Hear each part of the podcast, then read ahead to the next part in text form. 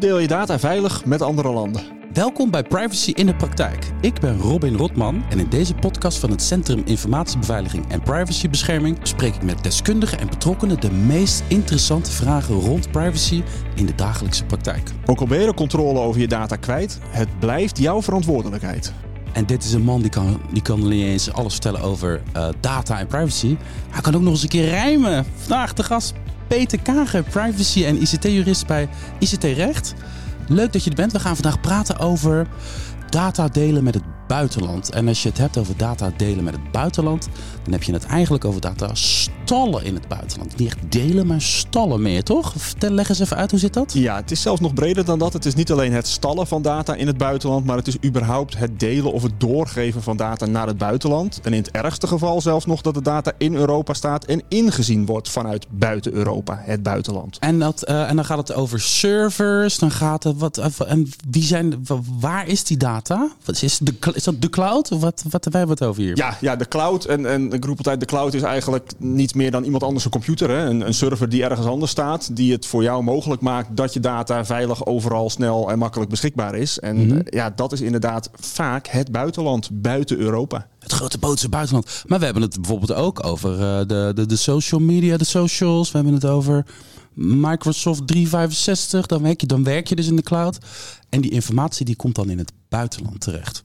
Dat grote boze buitenland, is dat, kan het ook Europa zijn waardoor, waarop jij gaat aanslaan? Of is het eigenlijk vooral het verdere buitenland? Het is het verdere buitenland. Hè? Want als we het hebben over data, dan hebben we het uh, in mijn geval vaak over persoonsgegevens, privacygevoelige gegevens. En daar hebben we in Europa ja, de AVG voor, hè? de Algemene Verordening Gegevensbescherming. En die beschermt de data binnen Europa. Mm-hmm. Uitgangspunt is dat als je de data binnen Europa hebt staan, dat dat valt onder de AVG en dus in ieder geval wettechnisch goed geregeld is. En jij, bent, uh, jij werkt voor ICT-recht. Wat, hoe, hoe kom jij dan in de picture? Wie zijn dan jouw klanten als het gaat over partijen die dus een, uh, hun data kennelijk in het buitenland hebben gestald? Ja, nou dat, dat kan alles zijn. Dat kunnen uh, uh, organisaties zijn binnen de overheid, kunnen organisaties zijn buiten de overheid, commerciële organisaties. Uh, ik adviseer een betaald voetbalclub, een applicatie om veilig te mailen, een, een pensioenfonds, ministeries, gemeenten, provincies. En die hebben allemaal te maken met, hey, op enig moment hebben we misschien iets van data in de cloud staan. Dus moeten we wel weten, waar staat het? Staat het daar veilig? Staat het daar goed? En wanneer ga jij aan? Wanneer denk je van, oké, nu ga ik nu ook opletten. Wat zijn een beetje de haken en ogen? Ja, op het moment dat, dat ik echt aansla op dit, dit stuk van waar staat de data, hè, is, is vaak van hey, wat voor applicaties gebruik je eigenlijk? Wat voor software gebruik je? Zit je in, in Office 365 van Microsoft of heb je uh, een eigen applicatie uh, gemaakt of bedacht? Maar altijd eventjes checken waar staat de data uiteindelijk? Want onderaan de streep, als je het met het internet wil verbinden, moet de data wel ergens staan om te zorgen dat het via internet beschikbaar is. En welke landen ga jij dan aan? Dat je even van oké, okay, nu moeten we opgelet, jongens. Nou, met stip op één is natuurlijk de Verenigde Staten. De Amerikanen, ja? De Amerikanen. Zijn dat de, boef, de databoefjes? Zijn niet direct de databoefjes.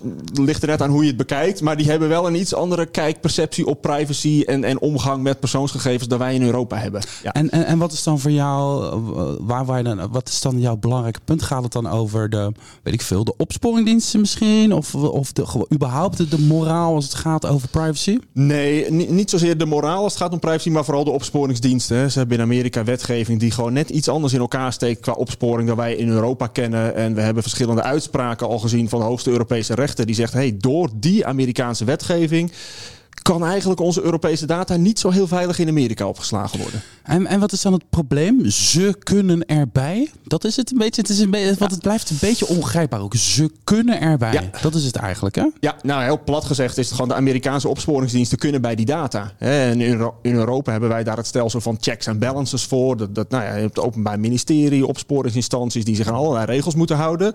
Maar die regels in Amerika zijn gewoon net iets breder en net iets ruimer. Je zou het bijna in Europa wel kunnen vertalen als een soort van sleepnet. Van we halen alles binnen en we kijken wel of we er iets aan hebben.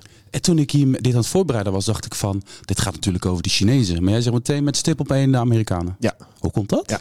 Omdat wij qua uh, uh, uitbesteding van onze dienstverlening... veel meer gebruik maken van de Amerikanen dan van de Chinezen. He, iedereen kent wel de diensten van Amazon, van Microsoft, van Google.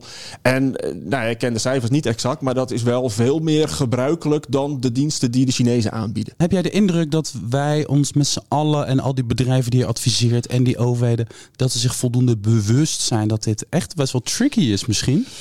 Ja, ze zijn zich wel voldoende bewust dat er risico's aan kleven. En men weet wel van, hey, uh, over het algemeen genomen, data in Amerika, oh, daar moeten we even iets mee. Maar wat je er dan uiteindelijk mee moet en dat het juridisch gezien behoorlijk problematisch is, dat is nog niet bij iedereen helemaal bekend. Laten we kijken of we twee casus kunnen bespreken. Uh, om een beetje te illustreren waarom dit best wel tricky is. Ja. Zonder dat mensen in de gaten hebben. Een, een, eh, een, een overheid die, die, heeft dus kennelijk data in het buitenland. Op welke manier? Hoe werkt dat? Ja, nou er zijn eh, de afgelopen jaren, afgelopen drie, vier jaar diverse onderzoeken uitgevoerd. Uh, in opdracht van de Rijksoverheid. Vooral ten aanzien van de diensten van Microsoft. Hè, Office 365, Microsoft Teams, OneDrive, SharePoint. En daar uit die onderzoeken zijn ja, zogenaamde DPIA's, de Data Protection Impact Assessments. Hè, een mooi woord voor privacy-risicoanalyse. Um, daar is wel uit gebleken dat Microsoft onder water bepaalde data toch naar Amerika stuurt. En nou, één, waren ze daar niet heel transparant over. Maar twee, uh, is dat ook zeker gelet op de uitspraken die, die in de zomer van vorig jaar zijn gedaan, um, heel problematisch. En de overheid, de Nederlandse overheid, ja. de ministeries, de ja. gemeentes, de provincies die werken met uh, software van Microsoft. En jij zegt eigenlijk van ja, maar jongens, de Amerikanen kijken wel mee, hè? Ja, nou, daar is ook uit gebleken. Kijk, uit die risicoanalyses is dus gebleken... hey, de Amerikanen uh, kunnen meekijken. Uh, want tegelijkertijd moet ook gezegd worden... het risico is geadresseerd van... hey, de Amerikanen kunnen meekijken... omdat Microsoft onder water bepaalde data naar Amerika stuurt. En dan moet je denken aan analyse data of telemetriedata... zoals ze dat noemen. Dus hoe worden onze diensten gebruikt? Um, maar in de gesprekken die de Rijksoverheid met Microsoft heeft gevoerd... heeft Microsoft ook meteen cijfers aangegeven... en gezegd van ja, oké, okay, in theorie zouden de Amerikanen data op kunnen vragen. Maar het is in onze praktijk nog nooit gebleken dat de Amerikaanse overheid data heeft opgevraagd van Nederlandse overheidsinstellingen. Dus dat maakt het risico ook meteen een, een stuk kleiner. In okay. theorie bestaat het, maar de kans dat het daadwerkelijk gebeurt is heel klein. En wat, wat, wat zeg jouw gut feeling? Gebeurt het ook inderdaad echt niet? Uh, nee, nee. Kijk, je, je zeg weet dan natuurlijk... alsjeblieft van, ja, het gebeurt aan de lopende band. Uh, nee, nee, nee, want dat kan ik niet. Want Microsoft is daar ook wel de partij in die daar transparant in is. En ook bekend staat als voorvechter voor de, Amer of de, de Europese privacyrechten. Oké, okay, dus dit, maar dit is typisch zo'n voorbeeld van een Amerikaans bedrijf. Die data zit daar ergens op die service in Amerika. Wij maken daar massaal gebruik van. En zo zijn er nog meer voorbeelden van allerlei organisaties. Oké. Anders, een, een, een bedrijf, een, een, een casus, noem eens wat. Ja, ik, ik, wat ik veel zie hè, is, is ook bijvoorbeeld het uitbesteden van bepaalde diensten of onderdelen van dienstverlening en, en klantenservice. Gewoon telefonische klantenservice, afhandeling van e-mail, chat wordt ook vaak uitbesteed. En of dat nu is uh, uh, naar India of naar uh, Turkije. Je ziet dat dat de landen zijn met wat lagere En dat mensen toch denken van hé, hey, misschien moeten we daar eens gaan kijken voor de uitbesteding. Maar het probleem is wel, als je dat doet, dat je ook persoonsgegevens buiten Europa gaat brengen. En dat je dus afspraken moet maken dat ook als die gegevens buiten Europa gebracht worden, dat ze daar ook veilig zijn. En ja, als dat naar landen gebeurt die niet zulke strenge privacyregels hebben als wij in Europa, dan zit je met een probleem. En wanneer komen eigenlijk de mensen bij jou terecht? Van, hé man, we willen een klantenservice ergens in uh, Turkije gaan uh, onderbrengen. Uh, hoe doen we dat het veiligst? Of komen ze bij jou als ze het gevoel hebben van... hé, hey, dit, dit doen we allemaal niet zo handig. Uh, Allebei. Help. Weet Allebei. Je zo? Ja, het, het beste is de situatie als ze vooraf bij mij komen natuurlijk. Als ze zeggen, we willen dit misschien gaan uitbesteden. En dat ik dan zeg, oké, okay, dan gaan we even naar de contracten kijken. Waar staat de data? Hoe gaan we daarmee om? En uh, dan moet je soms ook een, een, ja, echt een risicoanalyse maken van de situatie in dat land. Mm -hmm. De DTIA is daar een mooi nieuw voorbeeld van. De Data Transfer Impact Assessment. Wat heeft het voor gevolg als wij de data naar Turkije, India of waar dan ook ter wereld brengen? Wat voor wetgeving hebben ze daar? Dat moet je in kaart brengen. Dat, dat is de meest ideale situatie, dat ik vooraf daarbij betrokken word. In de praktijk gebeurt het ook vaak dat dat al in een iets verder gevorderd stadium is. En, en in het ergste geval dat de dienst al afgenomen worden. En dat ik dan de boeman moet spelen en zeggen van ja, ho even. Uh, we moeten hier formeel gezien mee stoppen, want we hebben ons huiswerk nog niet gedaan. Kan ik, kan, dat is de enige manier om het te repareren achteraf? Ja. En in hoeverre zijn al die andere landen of die diensten, nou, nou neem Microsoft nou daadwerkelijk transparant over wat ze doen? Want je zei net een beetje van, ze zijn wel, ze zijn niet transparant. Wat is nou...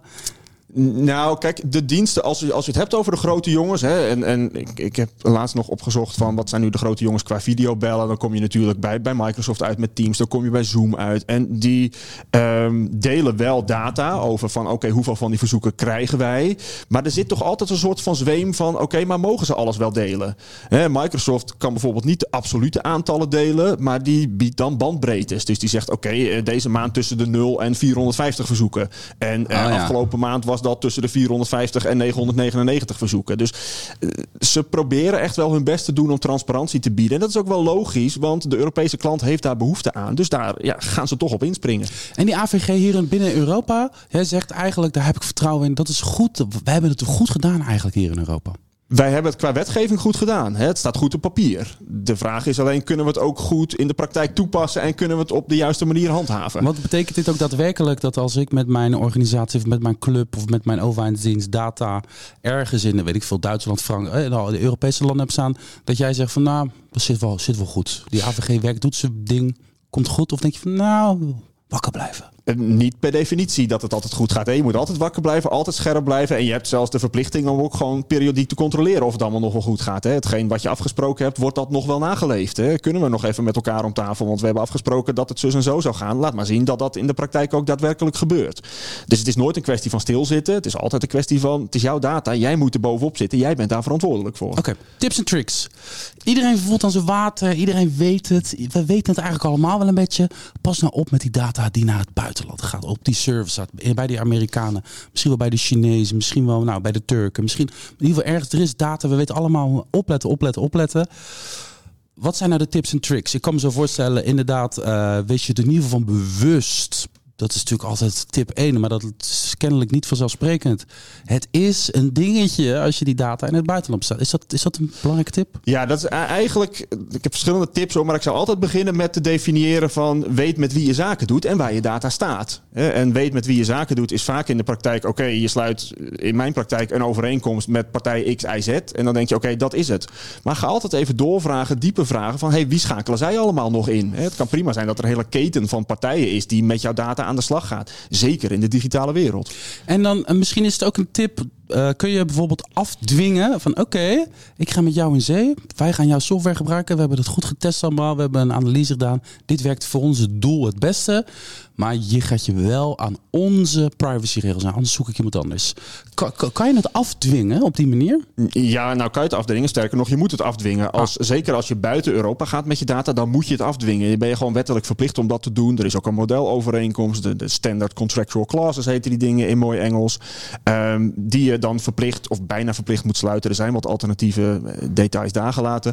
Maar dan ben je verplicht om dat af te spreken met de partij. Maar daar zit ook tegelijkertijd de moeilijkheid. Want Dan als stuur je gewoon de AVG mee en zeg je hier, dit nou, is dan komt het eh, in feite wel op neer, ja. Maar er zit tegelijkertijd ook de moeilijkheid. Want in die overeenkomst staat ook van... hallo, als er wetgeving in het land waar we de data naartoe sturen is... die botst met bijvoorbeeld de AVG... ja, dan moeten we met elkaar wel even om tafel gaan. Ja, en zeggen daar zit in Amerika de is moeilijkheid. leidend.